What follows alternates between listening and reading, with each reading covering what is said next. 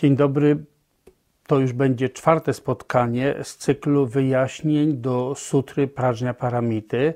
E, jak już zdążyliście pewnie zauważyć, e, nie są to niezwykle łatwe nauki, ale w końcu też e, Prażnia Paramita Sutra przez samego Buddę nauczana była po tym, kiedy najpierw przez wiele lat nauki pierwszego obrotu koendarmy były praktykowane, najpierw studiowane, przemyśliwane, praktykowane przez jego uczniów i dopiero ci najwybitniejsi uczniowie, tacy jak Shariputra i inni, dojrzeli do tego, żeby zrozumieć te głębokie nauki. Nie powinniśmy więc oczekiwać, że będzie e, ta sutra, czy też wyjaśnienia do sutry, że będą czymś takim prostym, że wystarczy na YouTubie wysłuchać raz tutorial na jakiś temat i już wiemy, na czym polega prażnia paramita.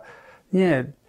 Zrozumienie paramity prażni jest niezwykle trudnym i długotrwałym procesem. Najpierw trzeba poznać e, zapewne nową terminologię, oswoić się z nią, Oczywiście ktoś mógłby powiedzieć, a dlaczego nie używamy od razu polskiego, prostego polskiego języka? Po prostu dlatego, że bardzo wiele tak istotnych dla e, tejże nauki, w ogóle dla nauki Buddy, a w szczególności dla nauki prażnia paramity, bardzo wiele idei związanych z tą nauką jest czymś zupełnie nieznanym w naszej kulturze i po prostu nie dopracowaliśmy się e, w języku polskim, podobnie jak i w innych językach zachodnich, wystarczająco precyzyjnej terminologii, tak żeby każdy słysząc jakiś wyraz e, dokładnie rozumiał, co wiąże się z danym pojęciem, jaki jest kontekst e, danego wyrazu. Więc to jest coś, co musimy wprowadzać stopniowo. Najpierw przez wielokrotne słuchanie nauk. Dobrze jest oczywiście też e, często słyszeć nauki na ten sam temat od różnych nauczycieli. Dobrze jest też e, poznawać na ten temat e, literaturę, chociaż żywego słowa nigdy nie zastąpi się e, takim przekazem tego, co, co gdzieś wyczytamy w książkach czy w innych opracowaniach w internecie. Taka bezpośrednia relacja nauczyciela z uczniem jest czymś nie do zastąpienia i nie do przecenienia.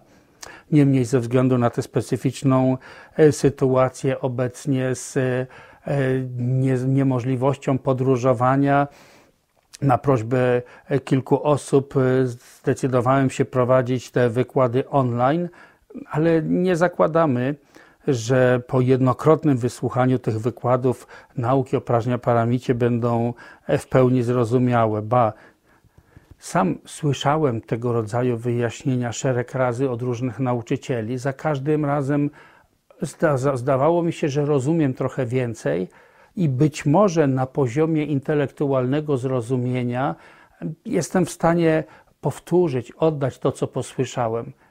Ale gdybyśmy mówili o poziomie doświadczenia i urzeczywistnienia tych nauk, no to tutaj jest jeszcze bardzo, bardzo daleka droga, dlatego że My wszyscy w każdej chwili, kiedy na przykład widzimy jakiś obiekt, słyszymy jakieś dźwięki, czujemy jakieś zapachy, które oceniamy, ja to lubię i powstaje w nas pragnienie, aby posiąść tego rodzaju obiekt, to już wtedy właściwie ukazujemy to, że nie zrozumieliśmy prawdziwej natury tychże zjawisk.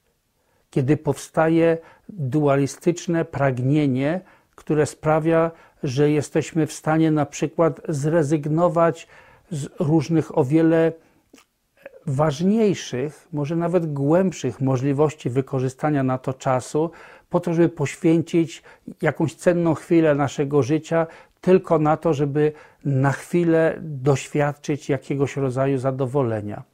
Przy czym proszę mnie nie zrozumieć, nie chodzi o to, że buddyści nie mogą doświadczać e, przyjemności. Znacznie lepiej i milej doświadczać czegoś przyjemnego niż nieprzyjemnego. Problem pojawia się wtedy, kiedy często kosztem możliwości zrobienia czegoś ważnego, dobrego, pożytecznego dla innych, albo pożytecznego na wszystkie przyszłe żywoty dla nas, kiedy to poświęcamy, a tylko takie gonienie za chwilowymi przyjemnościami staje się dla nas jakąś e, nadrzędną wartością, celem, treścią, sensem naszego życia. Wtedy zawsze demaskujemy brak prażni, brak zrozumienia prawdziwej natury tego, co postrzegamy.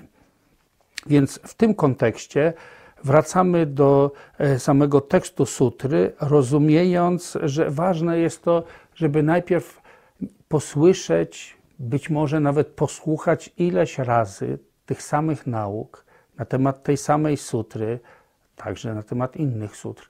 Następnie bardzo ważne, aby to kontemplować, to znaczy przemyśliwać, zastanawiać się, stawiać sobie pytania, być może nawet kwestionować te nauki, myśleć, a co by było, gdyby tak nie było.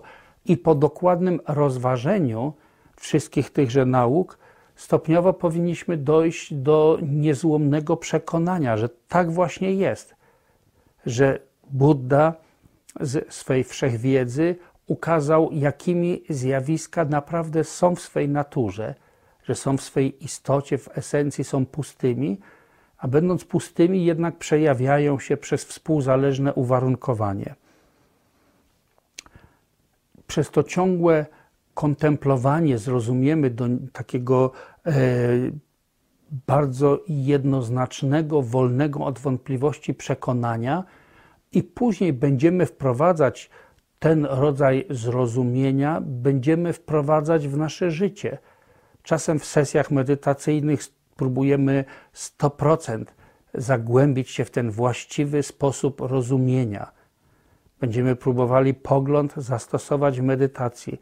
Potem pomiędzy sesjami medytacyjnymi będziemy także próbować ten pogląd zastosować w różnych sytuacjach.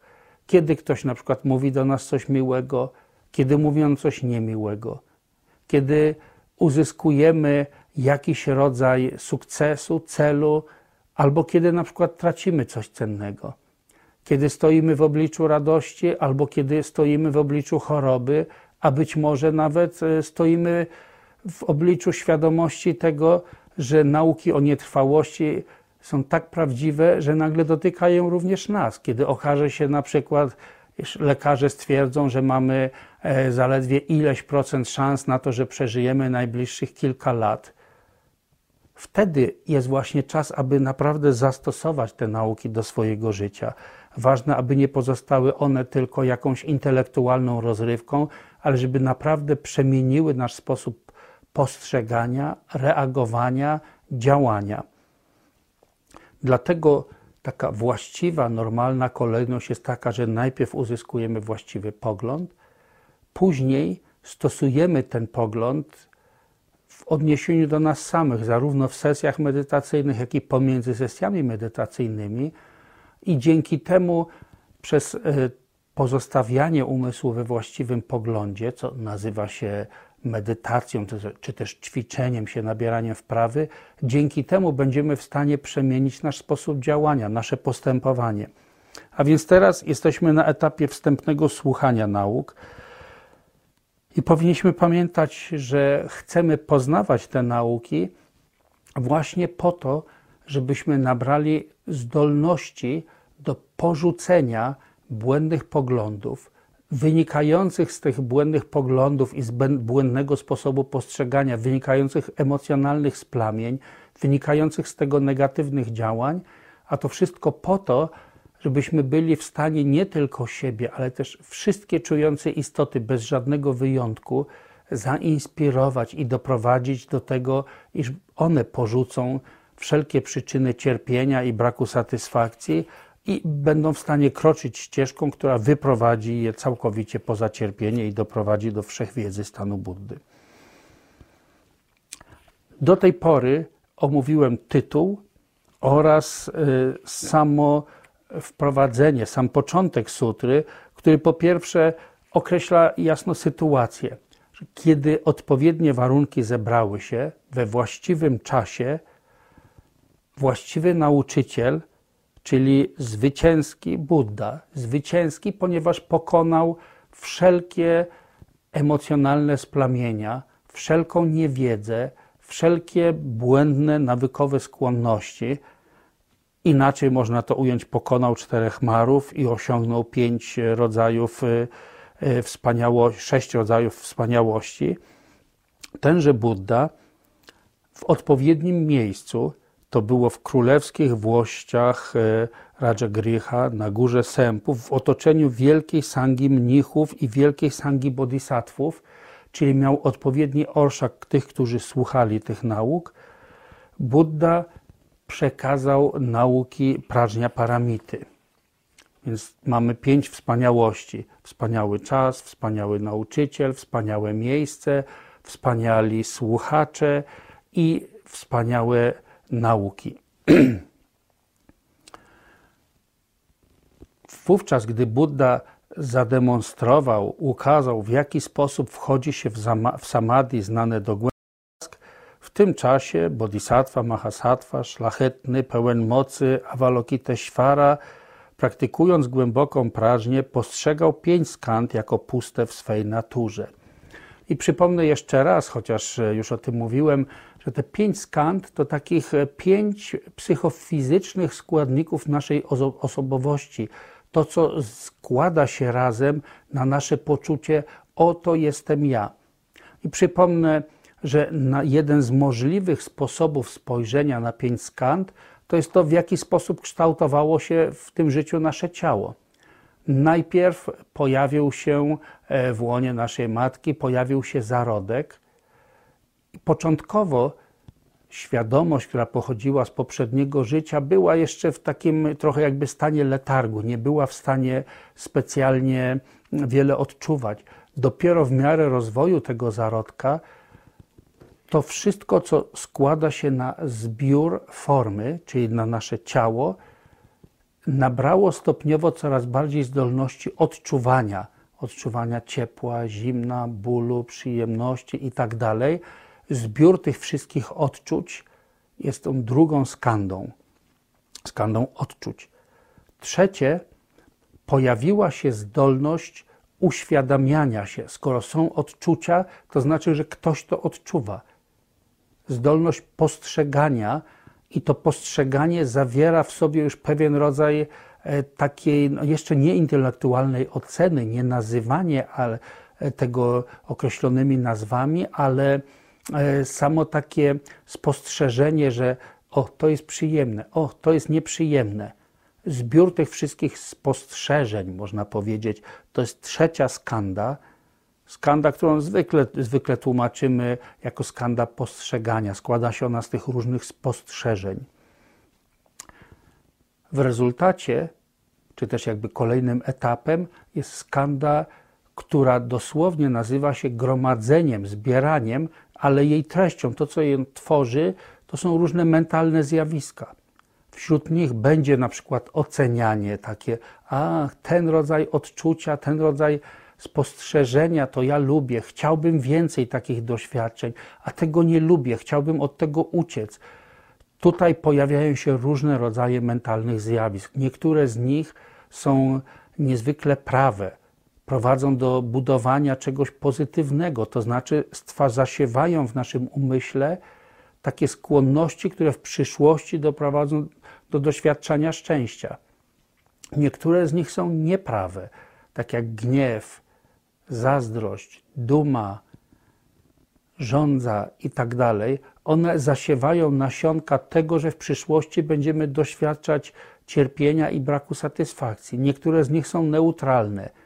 Niektóre z nich mają taką naturę ani dobrą, ani złą, ale idą razem w parze z pozytywnymi lub negatywnymi. Na przykład takie zjawisko mentalne jak śnienie zdolność przeżywania różnych fantazji wytwarzanych przez umysł, to co nazywamy śnieniem. Kiedy śnienie połączone jest ze śnieniem jakichś szlachetnych i pozytywnych uczuć, jak na przykład miłująca dobroć i współczucie, to wtedy śnienie staje się czymś prawym, pozytywnym, co doprowadzi nas w przyszłości do doświadczania radości i szczęścia w samsarze, doświadczania tej przyjemniejszej części samsary, jeśli śnienie połączy się z jakimiś negatywnymi uczuciami, jak nienawiść, chęć szkodzenia innym, wtedy staje się czymś negatywnym. Ale samo z siebie, samo z siebie śnienie nie jest ani dobre, ani złe w tym znaczeniu. Więc to wszystko, zasiewanie tych nasion w umyśle, to jest czwarta skanda. I wreszcie można powiedzieć, że towarzyszy temu, czy wypływa z tego świadomość. Po tybetańsku świadomości nazywają się nampar siepa. Siepa to jest być świadomym, uświadamiać sobie, ale to słowo nampar oznacza rozmaite. Podobnie jak ten wyraz w sanskrycie, widźniana, ta piąta skanda, piąty zbiór to widźniana, to wi oznacza właśnie rozmaite, bo odnosi się to do tego, że nasza świadomość może pełnić rozmaite funkcje. Może uświadamiać sobie postrzegane za pośrednictwem oka formy, może uświadamiać sobie dźwięki, może uświadamiać sobie zapachy, uświadamiać sobie smaki, uświadamiać sobie fizyczne odczucia, dotyk, albo uświadamiać sobie różne zjawiska mentalne. I to jest takich sześć podstawowych funkcji, czy też nazywamy to aspektów albo zbiorów świadomości. Kiedy wszystkie te pięć skand, tych pięć zbiorów połączy się razem, powstaje w nas poczucie: O, to jestem ja. Ja doświadczam czegoś, co nie jest mną. Jak doświadczam czegoś, co nie jest mną, to w ślad za tym, jak zobaczymy jakąś formę, posłyszymy jakiś dźwięk i tak dalej, w ślad za tym zaraz włącza się ten aspekt mentalny. Włącza się w nas ocena: to lubię, tego nie lubię. Te obiekty, które lubimy, pragniemy przyciągnąć, otoczyć się nimi, a jeśli już je mamy, to staramy się za wszelką cenę utrzymać. To wszystko jest z powodu pragnienia. Te, których nie lubimy, przejawiają nam się jako, jako nielubiane przez nas, chociaż de facto to, że coś ma określony kształt i określony kolor, samo w sobie nie jest dobre ani złe, tylko w nas, na skutek nagromadzonych wcześniej nawykowych skłonności, pojawia się ta mentalna reakcja: nie lubię tego, nie chcę. Ta niechęć może przejawiać się jeszcze bardziej intensywnie jako rodzaj gniewu czy nienawiści. I będą też zjawiska, które są obojętne. Z tym wiąże się taki stan umysłu, który po tybetańsku nazywa się timuk, taki rodzaj obojętności, otępienia. Ten, tenże właśnie stan umysłu to timuk, to otępienie może mieć też e, bardzo różne e, rodzaje zabarwienia, rodzaje intensywności. Co w tym jest złego, ktoś może powiedzieć. I po co tyle czasu poświęcamy na tego rodzaju analizy? Problem, który nazywamy samsarą, który polega na tym, że nawet jeśli, tak jak teraz, urodziliśmy się w tej lepszej części samsary, gdzie nie doświadczamy tak wiele cierpienia, no nie wiem, czy mogę mówić za wszystkich, bo znam też takie osoby, które stale na przykład żyją w bólu, które stale są dręczone przez innych, ale większość e, moich przyjaciół, podobnie jak i sam, ja sam, żyjemy w takich okolicznościach, że tak, mamy gdzie mieszkać, mamy co jeść, mamy w co się ubrać, mamy wsparcie dobrych przyjaciół, nie doświadczamy bezpośrednio jakiejś fizycznej przemocy. Dla większości z nas możemy powiedzieć, ach, to jest przyjemny rodzaj samsary, a jednak, a jednak i tak ciągle jesteśmy nieusatysfakcjonowani. Gdyby to, jak żyjemy, było kompletnie satysfakcjonujące, to właściwie stracilibyśmy motywację do robienia czegokolwiek. Chciałoby się tylko siedzieć i doświadczać tejże przyjemności i nigdy jej nie utracić. A jednak ciągle odczuwamy, nie, czegoś mi brak, chcę czegoś nowego. Jeśli już doświadczę jakiejś przyjemności, to za chwilę mnie nudzi i przestaje satysfakcjonować. Ciągle chcę czegoś nowego. Większość istot przez większą część czasu w samsarze doświadcza jednak różnego rodzaju bólu, lęku, przerażenia, smutku. Skąd to się bierze? Bierze się to z negatywnych działań wykonanych w przeszłości. To jest jeden z najważniejszych punktów, których nauczał Buddha, że wszystko bierze się z przyczyn. A więc również cierpienie, brak satysfakcji ma określone przyczyny. Skąd biorą się te negatywne działania, które prowadzą nas do wykonywania negatywnych czynów? Biorą się z emocjonalnych splamień, z pragnienia czy też żądzy, zależy jak intensywnie się ona wyraża, jak ją nazwiemy, z gniewu czy też z niechęci, albo z tej tępej obojętności, która często oznacza po prostu głupotę, brak zdolności wyciągnięcia odpowiednich wniosków, e, odpowiednich naszych reakcji. A skąd biorą się te emocjonalne splamienia? Biorą się z poczucia ja. Ja chcę być szczęśliwy. A ponieważ mam przekonanie, że będę szczęśliwy, jak otoczę się odpowiednimi zjawiskami, które będą postrzegać moje oczy. Otoczę się odpowiednimi dźwiękami lub brakiem dźwięków, jeśli ktoś tak lubi. Otoczę się odpowiednimi zapachami. Smak, będę doświadczać smacznych y, rodzajów pokarmu, odpowiednie uczucia dotyku i co więcej, będą mi zawsze towarzyszyć przyjemne myśli. Nigdy nie doświadczę takich niechcianych, nielubianych przeze mnie myśli. Pokładamy nadzieję w to, że zbudujemy szczęście tylko przez lgnięcie do pewnego rodzaju obiektów, które akurat teraz lubimy. W innych okresach życia mogliśmy nie lubić, albo jeszcze może się to zmienić. Nasze różne gusta kulinarne i nie tylko. Myślimy, że uwolnimy się od cierpienia tylko odrzucając obiekty, co do których wierzymy, że są niewłaściwe, że nam szkodzą. Czyli korzeniem tego wszystkiego jest to lgnięcie do poczucia ja, bo automatycznie z ja wiąże się, że jest moje. Moje albo nie moje. Z tego wypływa lubię lub nie lubię. W wielu naukach, a w szczególności w prażnia paramicie, Buddha wskazuje, że korzeniem całego cierpienia i braku satysfakcji, korzeniem całej samsary jest to lgnięcie do poczucia ja, które wiąże się z różnymi konsekwencjami. I należy tutaj unikać błędnego rozumowania, jakoby prawdziwe wyzwolenie polegało na tym, że przestanę myśleć ja. To by było niesamowicie naiwne i błędne rozumienie tejże nauki. W końcu nawet sam Buddha bardzo często mówił: Ja objaśniam wam to i to. Na przykład ostatnia nauka, jaką Buddha wygłosił, zanim opuścił e, ten świat, opuścił to życie, ta jego ostatnia sławna nauka brzmiała: Ja oto ukazałem wam ścieżkę. Od was zależy, czy ją przejdziecie. A więc nawet Buddha używał ja. Pamiętam pewnym zaskoczeniem dla e, niektórych zachodnich uczniów, było to, kiedy Tenga Rinpoche odpowiadał na pytanie na temat tego ja i wręcz mówił, że z takiego praktycznego punktu widzenia można powiedzieć, że są dwa rodzaje ja.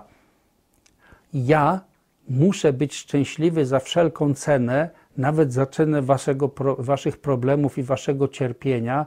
Ja, moje, dla mnie, moje szczęście najważniejsze, muszę dbać o swoje szczęście. To jest korzeniem kłopotów i cierpienia. Ale Rinpoche mówił taki drugi rodzaj myślenia ja. Ja muszę dla dobra wszystkich istot rozwinąć mądrość, współczucie, nauczyć się pomagać wszystkim czującym istotom na tym najbardziej głębokim, podstawowym poziomie. Taki rodzaj ja, które pragnie osiągnąć dla dobra wszystkich istot przebudzenie. Ja będę gotów zaangażować się we wszelkie rodzaje działania i praktyk, jakie są konieczne do tego, żebym nabrał zdolności do pomagania wszystkim istotom. Rinpoche mówił, to ja jest bardzo dobre i proszę was, nie porzucajcie go. Takim przykład błędnego rozumienia e, tego ja.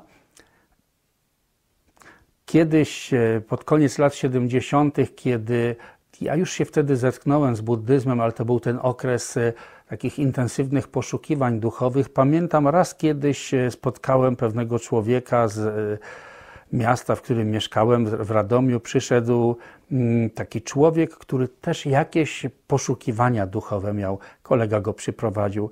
Tenże człowiek, podobnie jak ja wtedy, czytał dużo książek Krishna Murtiego i tego rodzaju literatury.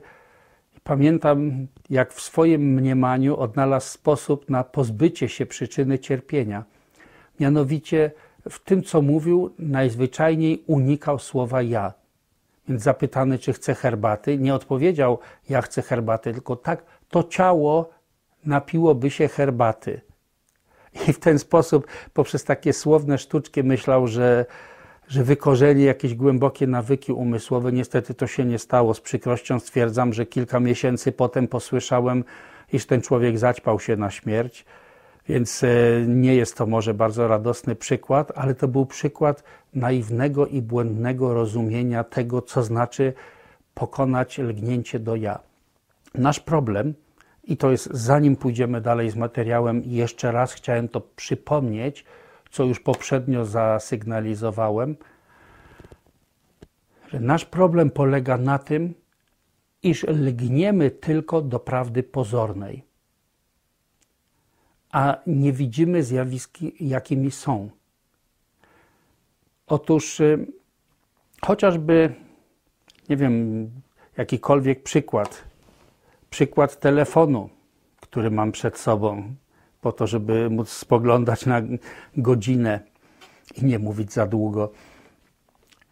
Nazywam to telefonem, ale czasem, gdyby tak się zdarzyło, oby nie, zdarzyłoby się, że pęknie szybka w tym telefonie. Oddałbym do serwisu, wymieniono by szybkę. Wciąż myślę, że to jest ten sam telefon. Czy szybka jest telefonem? Nie. Jak odejmiemy, oczywiście to nie jest tylko kwestia szyby, prawda, cały wyświetlacz. E, odejmiemy wyświetlacz, no to jest telefon bez wyświetlacza. Odejmiemy obudowę, będzie telefon bez obudowy. Wyjmiemy płytę główną, będzie telefon bez płyty głównej. Wyjmiemy baterię, będzie telefon bez baterii ale gdybym chciał zapytać, co właściwie jest istotą telefonu, to okazuje się, że nie potrafię wydobyć takiej jednej, niezależnej, samoistnej części, która niezależnie od tego wszystkiego, co, na, co wokół niej jest dobudowane, to jest telefon sam w sobie. Ani procesor, ani bateria, ani to, ani tamto, żadna z tych części nie tworzy telefonu wszystkie złożone razem tworzą telefon. Można nawet zrobić takie ćwiczenie umysłowe, że gdybyśmy tak odjęli ileś części, szybkę, obudowę, baterię i tak dalej, w którym momencie przestaje uważać to za telefon? Ile procent części musi być razem, żeby powstało w nas takie pojęcie, taka tożsamość, ten właśnie telefon, od którego momentu stanie się to innym telefonem, kiedy wymienię obudowę, wymienię wyświetlacz, wymienię baterię, wymienię płytę główną i cokolwiek tam jeszcze jest do wymiany, po ilu wymianach, po ilu częściach ten telefon właściwie stracił swoją tożsamość, zaczął być innym telefonem. Zupełnie podobnie jest z naszym ja jakkolwiek długo byśmy nie badali, zobaczymy, że w żadnej z pięciu skant, w żadnym z tych czynników, który tworzy naszą osobowość, nie znajduje się ja.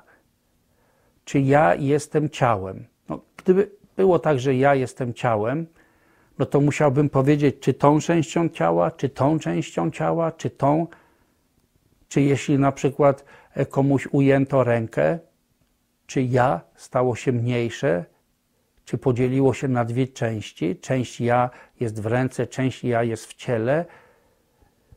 Jeśli komuś usunięto inny organ, czy jego ja się zmniejszyło, gdyby tak dokładnie szukać, biorąc także pod uwagę to, jak ciało się wciąż zmienia, wciąż nowe składniki odżywcze są dokładane, inne części są po prostu usuwane z ciała, spalane i tak dalej, okaże się, że nie ma czegoś takiego, co można wyekstrahować, pokazać. To jest właśnie to ciało. Zupełnie podobnie, jak widać to na przykładzie różnych nieożywionych obiektów, nie jakiegoś żywego ciała. Powiedzmy, przychodzimy codziennie nad tę samą rzekę albo nad ten sam wodospad i mamy poczucie, że jest to ta sama rzeka czy ten sam wodospad, mimo że ani jedna kropla wody nie pozostała ta sama od wczoraj. Rzeka, którą wczoraj widzieliśmy, odpłynęła już hen daleko. To jest zupełnie inna woda. Albo patrzmy na nurt rzeki. Wydaje się nam, że ma on jakąś własną tożsamość, że to jest właśnie tenże nurt, ale przecież co chwilę tam są inne cząsteczki wody. Nie ma nurtu jako takiego, jako pewnego odrębnego, samoistnego bytu. Tak samo, kiedy patrzymy na płonącą świecę. Płomień, na który spojrzymy raz i płomień, na który spojrzymy na przykład za pół minuty, to już nie jest ten sam płomień. Inne cząsteczki parafiny łączą się właśnie teraz z tlenem, powstaje taki zjonizowany gaz, który ma tę właściwość, że świeci, ale z chwili na chwilę to jest zupełnie inny płomień. Jednak specyfika polega na tym, specyfika takiego zjawiska, że jest tu pewna ciągłość. I ta ciągłość sprawia wrażenie, czy też e, ta ciągłość powoduje, iż mamy wrażenie, że jest to ten sam płomień. Ulegamy tego rodzaju złudzeniu. I teraz, kiedy mówimy o dwóch aspektach prawdy, to trzeba zrozumieć, że faktem jest, że przejawia się coś takiego jak płomień. Faktem jest, że świecą różne cząstki zjonizowanego gazu, że z chwili na chwilę to są inne cząstki, że jest to dynamiczny proces, ale ulegamy złudzeniu, że jest to ten sam płomień. Gdybyśmy pytali, co jest istotą płomienia, czy ta cząsteczka gazu, którą odseparujemy, czy ta cząsteczka gazu, który akurat łączy się z tlenem i, i w wyniku tego powstaje e, temperatura i światło, czy ta cząsteczka, okaże się, że nie ma czegoś takiego jak płomień sam w sobie. Tych wiele cząsteczek razem sprawia wrażenie płomienia. I to jest coś, co nazywamy prawdą pozorną. Prawda prawdziwa, czy ostateczna prawda, jest taka, że płomień jako taki jest tylko pewnym pojęciem, które wytworzyliśmy w naszym umyśle. On nie ma niezależnej tożsamości. Sutra Prażnia Paramity uczy nas przede wszystkim tego, jaka jest ostateczna natura zjawisk, czym one są w swojej prawdziwej esencji. Dlatego sutra co chwilę mówi, nie ma płomienia. Akurat faktycznie sutra nie wspomina o płomienia, ale żeby trzymać się naszego e, przykładu, nie ma płomienia, nie ma wodospadu. W ten sposób sutra zwraca uwagę na to, że płomień czy wodospad nie istnieje jako odrębny, samoistny byt. Ale to, że zrozumie się ostateczną prawdę, nie oznacza, że ta prawda pozorna przestaje istnieć. Pozornie wciąż to się przejawia. Nasz problem zwykłych czujących istot polega na tym, że prawdę pozorną, to co nam się wydaje czymś, traktujemy jakby to była jedyna obiektywna rzeczywistość, jedyna prawda. Chwytamy się tylko jednego aspektu prawdy, a nie widzimy obu. Ważne, aby pamiętać, że urzeczywistnienie pradżni, to co sprawia, że ktoś zostaje Buddą, to nie jest pójście w drugą skrajność. To nie jest widzenie tylko prawdy ostatecznej. Te dwie prawdy prawda pozorna i prawda ostateczna, czy też względna i absolutna, niektórzy wolą tak to nazywać, te dwie prawdy współistnieją. O tym za chwilę sutra będzie mówić dosyć szczegółowo, że przejawianie się jakiegoś zjawiska i jego pustość są jednocześnie, jednoczesne. Więc e, sutra mówi, że Bodhisattva Avalokiteshvara, czyli po tybetańsku Chenrezik, postrzegał pięć skand jako puste w swej naturze. I dalej, po niemal trzech kwadransach, dopiero przechodzę dalej do omówienia następnego fragmentu sutry. Wtedy, dzięki inspiracji Buddy, czcigodny Shariputra przemówił do bodhisattwy Mahasattwy, szlachetnego, pełnego mocy Avalokiteshvary. Wspominałem poprzednio, że są trzy rodzaje nauk. Takie, które w nauk w sutrach, takie, które wygłaszał sam Buddha, takie, które wygłosił ktoś inny, a Buddha potwierdził, tak, to jest prawda, powiedziałeś prawdę, i są takie, które Buddha wygłasza pośrednio. tym wypadku właśnie dzięki mocy Buddy, to jest to tybetański wyraz de, dene, wtedy, wówczas, sangdzieci, czyli Buddha, ty, tu po tybetańsku, tu końcówka y ze względu na gramatyce, za pomocą czy mocą tej Buddy, tu oznacza moc. Buddha posiadał dzięki mocy swego urzeczywistnienia tę możliwość, tę właściwość, że oddani uczniowie mogli być zainspirowani przez niego. Można powiedzieć, siłą urzeczywistnienia, siłą dobrych życzeń myśli, e, si siłą dobrych życzeń Buddha sprawił, że Shariputra pomyślał wtedy, ach, należy spytać Avalokiteshwarę o to i o to. To jest ta kategoria nauk, które właśnie poprzez inspirację Buddy są przekazywane. Otóż o co spytał Shariputra? Spytał tak, w jaki sposób mają się uczyć córki i synowie rodziny Mahajany, którzy chcą postępować zgodnie z głęboką praktyką prażnia paramity. Zwykle jest tak, że jakby ktoś nie znał nauk prażnia paramity, to nie wiedziałby, że należy postawić tego rodzaju pytanie. To właśnie dzięki tej inspiracji, temu można powiedzieć błogosławieństwu, chociaż dosłownie tekst mówi dzięki tej mocy umysłu Buddy, takie pytanie pojawiło się w umyśle Szariputry. Samo to pytanie będzie miało w sobie już pewnego rodzaju istotną naukę, nad którą się zastanowimy. Ja powiedziałem na początku, że ten cykl wykładów z pewnością nie jest dla osób bardzo początkujących, chcących się, chcących się dowiedzieć, o czym jest w ogóle buddyzm. Tutaj ilość terminologii i tego takich bardziej szczegółowych wyjaśnień może być dla nich przytłaczająca, ale tak wielu z moich przyjaciół już od lat studiuje, poznaje nauki, że to przede wszystkim z myślą o nich chcę omawiać dosyć szczegółowo tę sutrę, tak żeby później nie musieć wracać do tego tematu wciąż i wciąż. Otóż, w jaki sposób mają się uczyć córki i synowie rodziny Mahajany?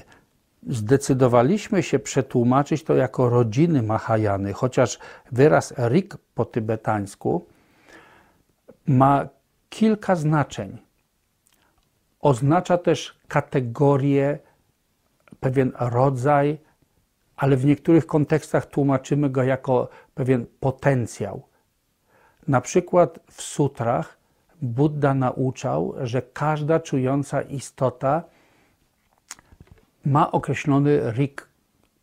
I tutaj też mieliśmy dyskusję, ba, to nie, nie tylko my w naszym gronie, ale wielu tłumaczy na zachodzie e, ma problem z tym, jak jednoznacznie w naszym języku oddać wyraz rik, który ma kilka znaczeń i wszystkie one właściwie mają zastosowanie w tym kontekście.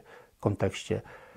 My przekładając to jako rodzina, a moglibyśmy przełożyć też jako na przykład potencjał, czy kategoria albo grupa, decydując się na jeden wyraz, automatycznie tracimy te inne dodatkowe znaczenia, które jednocześnie tutaj współistnieją w tym wyrazie. Otóż rik oznacza, że na przykład jeśli ktoś jest rik człowieka, albo mówimy o sześciu kategoriach czujących istot, istoty w piekłach, semcien rik druk, prawda? Sześć kategorii istot istoty w piekłach, duchy, zwierzęta, ludzie, półbogowie, bogowie. Na przykład, jeśli ktoś należy do tej kategorii człowieka, to na przykład jedną z konsekwencji tego jest takie, że może przyczynić się do narodzin drugiego człowieka. Człowiek nie może spłodzić ani urodzić Boga. Bogowie powstają z bogów, w świecie bogów. W takim właśnie kontekście słowo rik jest często tłumaczone jako potencjał. I Buddha nauczał, że z pewnego punktu widzenia, w szczególności można mówić o ludziach, ale nie tylko, że istnieje pięć rodzajów potencjału. Są tacy, którzy mają takie naturalne skłonności do tego, aby wejść na ścieżkę prowadzącą do własnego wyzwolenia. To znaczy, są przerażeni samsarą, mają wiarę w nirwanę i niewiele współczucia, myślą tylko o własnym wyzwoleniu. Mówi się, że wtedy mają potencjał, rik, ale inni tłumaczą, że należą do rodziny śrawaków, tych, którzy będą ścieżką Hinajany, ścieżką prowadzącą do własnego wyzwolenia, podążać do osiągnięcia dla siebie tylko uwolnienia z samsary. Są, nie będę w tej chwili tej nauki o wszystkich rodzajach potencjału przedstawiać, bo wtedy każda, właściwie każda sylaba tego tekstu stałaby się e, pretekstem do, do długich, długich wykładów, nigdy byśmy nie skończyli. Ale w tym kontekście, kiedy mówi się rikci pu, rikci pumo, czyli ty, który masz rik, można powiedzieć, że masz potencjał bodhisattwy, ponieważ tak się określa jeden z tych rodzajów potencjału. Potencjał bodhisattwy mają ci, którzy w naturalny sposób, nawet bez potrzeby ćwiczenia się, posiadają miłującą dobroć, czyli takie pragnienie, żeby inni byli szczęśliwi. Posiadają współczucie, czyli to, że czują się sami niedobrze, kiedy widzą cierpienie innych i za wszelką cenę chcieliby usunąć cierpienie innych. Więc mają miłującą dobroć, mają współczucie i szereg jeszcze innych cech, które sprawiają, że ktoś ma ten potencjał, zdolność do wejścia na ścieżkę bodhisattwy i osiągnięcia owocu ścieżki bodhisattwy, czyli stanu Buddy. Więc synu i synowie rodziny Mahajany, ale można też by było przetłumaczyć ci, którzy mają potencjał Mahajany. I ważne dalej, tekst mówi rikci pu, am rikci pumo, czyli synu lub córko. Całkiem ważne jest to, iż tekst wspomina tutaj o obu płciach. Dlatego, że jeżeli popatrzymy na tradycję społeczną starożytnych Indii, z pewnością nie było tam równouprawnienia płci. Jeszcze do dzisiaj bardzo często we współczesnym świecie, w wielu miejscach jest tak, że na przykład rodzina decyduje chociażby o tym, za kogo dziewczyna ma wyjść za mąż. Nie może sama decydować o tym, z kim czy za kogo, za kogo chce wyjść, ba, nie może zdecydować o tym, że na przykład chciałaby poświęcić swoje życie 100% tylko praktyce duchowej i może w ogóle nie wychodzić za mąż, tylko zostać na przykład kapłanką w jakiejkolwiek religii, a może chciałaby robić coś innego w życiu. Wciąż jeszcze tak jest. W starożytnych Indiach to było mocno zakorzenione, że często nawet dzieci już przecież obiecywano E, temu czy temu przyszłemu mężowi. W tym kontekście zwróćmy uwagę na to, że w początkowym etapie buddyzmu istniała też pewna różnica w traktowaniu uczniów przez Buddę. Popatrzmy, było to społeczeństwo feudalne, gdzie nie było czegoś takiego jak prawa obywatelskie, prawa człowieka, tylko każdy, kto nie był jakimś lokalnym władcą, jakimś radżą, maharadżą, każdy inny, kto urodził się danym na danym terenie, automatycznie był wręcz własnością rządzącego lokalnie władcy. Jeśli ktoś należał do rodziny szewców, w Europie też tak bardzo długo było, to wiadomo było, że musiał zostać szewcem. Jeśli ktoś należał do rodziny kowali, wiadomo było, że będzie kowalem, jeśli mówimy na razie o mężczyznach tylko. Jeśli ktoś pochodził z rodziny bramińskiej, to dalej był braminem z racji urodzenia w tejże rodzinie.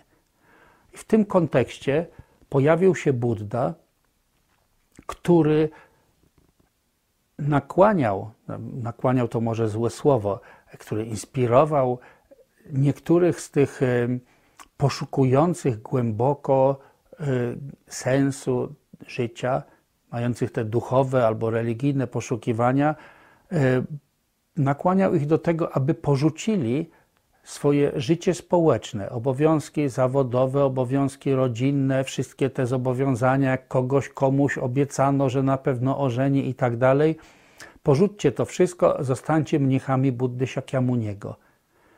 Była to z punktu widzenia społecznego pewnego rodzaju rewolucja.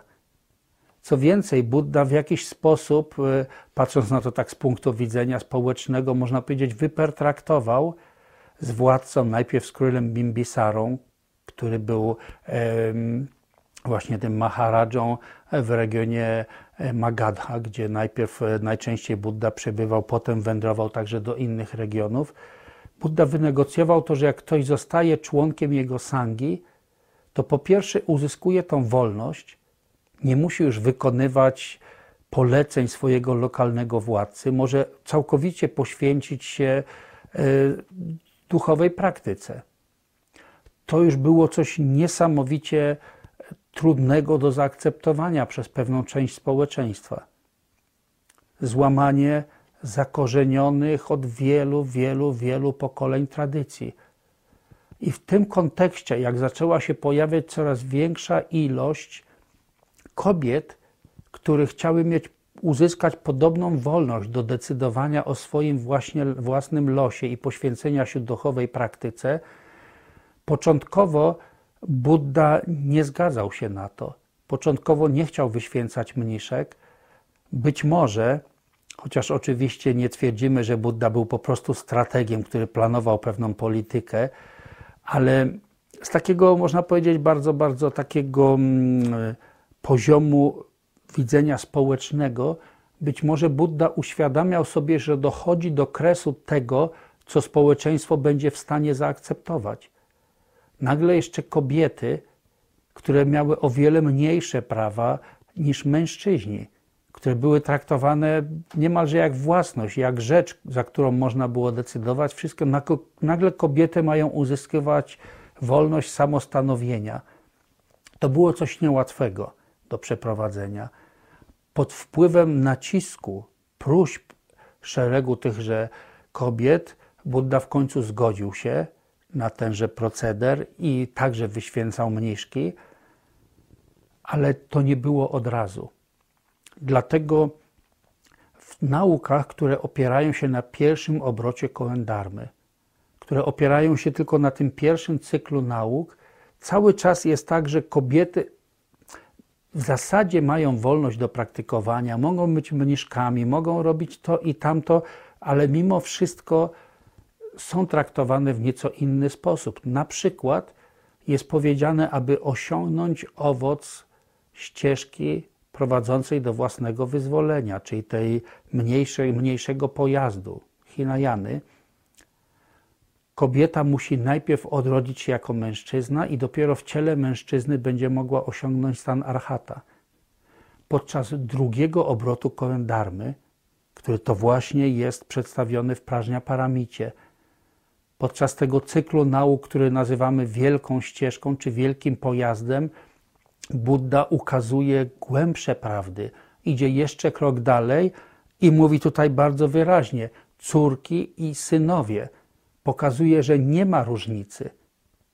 W naukach trzeciego obrotu koendarmy idzie jeszcze dalej. Pokazuje, że natura Buddy, która istnieje która jest prawdziwą naturą każdej czującej istoty od zawsze, nie ma płci, że nie ma najmniejszej różnicy w możliwości praktykowania, porzucania swoich splamień i zaciemnień, osiągnięcia wszechwiedzy stanu Buddy, że tu nie ma żadnej różnicy ani pod względem płci, ani żadnych innych różnic. Każdy, ktokolwiek ma umysł, ma taką samą naturę Buddy ale to jest coś, co również, tak jak mówiłem, z pewnego społecznego punktu widzenia, ta wiedza, to zrozumienie, te nauki musiały być stopniowane. Inaczej byłoby to coś tak szokującego, że po prostu byłoby odrzucone przez większość ludzi. Tak trudno jest nam, ludziom, często porzucać swoje po prostu utarte oceny, poglądy.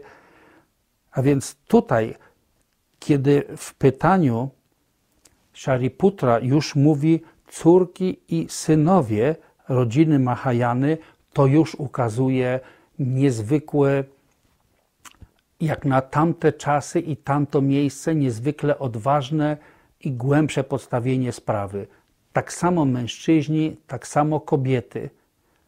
Tak samo dzisiaj dodalibyśmy jeszcze do tego, wówczas, wówczas ludzie tak nie podróżowali między kontynentami i nie miewali tego problemu. Tak samo ludzie o ciemnym kolorze skóry, jak i o czerwonym odcieniu skóry, tak się określało Indian, ale też Hindusi nazywali Tybetańczyków. Tak, tak samo ludzie o żółtym odcieniu skóry, tak się, tak się zazwyczaj mówi o ludziach ze wschodniej, południowo-wschodniej Azji. Bywałem, mam wielu serdecznych przyjaciół, którzy pochodzą z tamtych części Azji. Ja szczerze nie dopatrzyłem się nigdy żadnego nawet żółtego odcienia skóry. Powiedziałbym, że zwykle są bardziej biali niż Europejczycy, ale Jakoś tak się utarło, że białymi nazywa się Europejczyków. Może się mylę, może nie mam tutaj e, dobrej wiedzy, ale odwołuję się po prostu do osobistych doświadczeń. No, tradycyjnie jednak mówi się o niektórych, że mają żółty odcień skóry, biały odcień i tak dalej. Niezależnie od tego, jakiej narodowości są, wszyscy mają taki sam umysł mają taki sam rodzaj emocjonalnych splamień, dumę, zazdrość, gniew, pragnienia, głupotę, mają taką samą prawdziwą naturę Buddy, która jest zakryta tymi zaciemnieniami. Tak samo córki, jak i synowie. Tak samo przedstawiciel jakikolwiek, e, nie wiem czy to jest eleganckie, czy jestem poprawny politycznie, jeśli powiem rasy ludzi, czy to nie wypada jak rasista. Przepraszam, że ja jestem prostym człowiekiem, żyjącym z dala od społeczeństwa na wsi. Często jestem taki trochę niedouczony co do poprawności politycznej i błagam o wyrozumiałość pod tym względem. Ale po prostu wszyscy, każdy, kto ma umysł, tak samo jest w stanie praktykować głęboką prażnia paramitę. Więc pytanie brzmi, którzy chcą postępować zgodnie z głęboką prażnia paramitą, w jaki sposób mają się uczyć?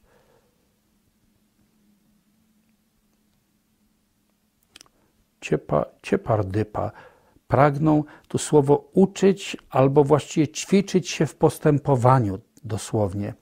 Ćwiczyć się w postępowaniu, w działaniu zgodnie z głęboką praktyką prażnia paramity. Odezwał się w te słowa. Wówczas Bodhisattva Mahasattva, szlachetny, pełen mocy Avalokiteshvara, odparł. Tu zaczyna się sama treść prażnia paramity. W niektórych tradycjach buddyjskich, na przykład e, spotkałem się z tym nieraz w ośrodkach Zenu, bo ta sama sutra jest też e, nauczana i praktykowana w buddyzmie chińskim, koreańskim, japońskim i tak dalej, wszędzie, gdzie, gdzie e, zawędrowały nauki Mahajany. Niektóre sutry zaczynają się dopiero od wypowiedzi Avalokiteshvary. Na przykład mam w głowie ileś razy, będąc w gościnie w ośrodkach Zenu, e, pamiętam jak się zaczynała recytacja Bodhisattva, współczucia, Dzięki mądrości prażni ujrzał pustkę wszystkich pięciu skant i odrzucił więzy, co powodowały cierpienie, więc wtedy tutaj forma jest tylko w tym miejscu właściwie zaczyna się ta krótsza wersja. W tybetańskim buddyzmie mamy tę nieco dłuższą wersję razem z całym wstępem. Same nauki przedstawione przez Avalokiteshvarę Gdyby ktoś tak pierwszy raz po prostu przeczytał, to ma wrażenie, jakby w kółko, w kółko powtarzało się: nie ma tego, nie ma tego, nie ma tego. Faktycznie jest to ułożone w bardzo logiczną strukturę. Przede wszystkim chcę zwrócić uwagę jeszcze raz, że te nauki pokazują, jaka jest ostateczna prawda, jaka jest prawdziwa prawda o naturze wszystkich zjawisk, które są postrzegane i nas samych, które te zjawiska postrzegamy. Ale nie przeczy ta nauka temu, że zjawiska wciąż pojawiają się, więc to zaprzeczanie służy tylko temu, abyśmy porzucili lgnięcie do jedynie prawdy pozornej. Natomiast będzie to też jasno pokazane w tekście, że nie należy popaść w drugą skrajność, i trzymać się tylko skrajności pustki. Byłoby to błędne rozumienie, chociaż jak tak często się to recytuje, nie ma oka, nie ma ucha, nie ma nosa, powstaje na ten temat y, cały szereg dowcipów, które krążą w naszej społeczności buddyjskiej, chociaż takie jak, chociażby takie jak na przykład, gdy przychodzi buddysta do sklepu i pyta, czy są lody, nie ma, to poproszę pięć. No bo nauczeni nie ma, nie ma, nie ma, a i tak swoje robimy. Albo kot naszego kucharza. Nieraz słyszymy, że jest kotem prażnia paramity, bo jest, nie ma oka, nie ma, nie ma oka, nie ma zęba, nie ma charakteru, jest pozbawiony kilku rzeczy. Z tym charakterem to oczywiście przesada, ale nie taka jest prawdziwa nauka prażnia paramity. Zrozumienie paramity prażni nie oznacza poglądu, że nic nie istnieje. Oznacza jedynie to, że to, co się przejawia, jest pozbawione esencji, samoistnego bytu i o tym będzie dalej nauczane. Zasadniczo są tutaj takie cztery punkty przedstawione w wypowiedzi, w wypowiedzi Avalokiteshvary. Pierwsze to jest pogląd. Jak rozumieć naturę zjawisk z punktu widzenia prażnia paramity. Słowo pogląd będę jeszcze dokładniej później omawiać. Pogląd, wgląd, często tutaj spotykamy znowu zamienne tłumaczenia. Przy czym pogląd to będą tak zwane trzy bramy wyzwolenia. One będą składać się na pogląd i po kolei są przedstawione w tekście. Następnie drugim punktem jest y, w jaki sposób zastosować ten pogląd w praktyce, czyli sposób ćwiczenia się w tym poglądzie, medytowanie. Następnie jest omówienie owocu tej praktyki. I wreszcie, jako czwarte, to jest postępowanie. W tym przypadku postępowanie oznacza, jak dzięki urzeczywistnieniu prażni, kiedy osiągnie się owoc, w jaki sposób działa się dla pożytku innych. W tych czterech punktach pogląd, medytacja, owoc oraz postępowanie, w tych czterech punktach będą zawarte nauki przedstawione w tejże sutrze. Ale o tym już przy następnym spotkaniu. Dziękuję bardzo za uwagę.